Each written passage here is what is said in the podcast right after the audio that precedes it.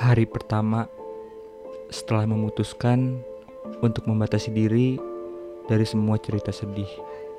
Sedikit perubahan mulai terjadi, seperti berkurangnya rasa cemas, gusar, dan terutama cemburu. Mengingat sebelumnya aku dihajar habis-habisan oleh ketiga rasa itu. Tapi berkurang bukan berarti hilang. Perasaan yang kuanggap buruk itu tetap ada, namun dalam jumlah yang relatif kecil.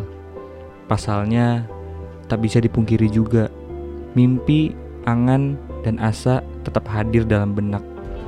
Wajahmu yang cantik dan gemas pun kadangkala masih lewat di pikiran ini. Senyummu yang membuat pipimu kian tembam juga masih terlihat sekelibat. Perasaan memang sudah tak terbalas, tapi setidaknya pesan singkat yang aku kirim masih bersedia untuk kau balas.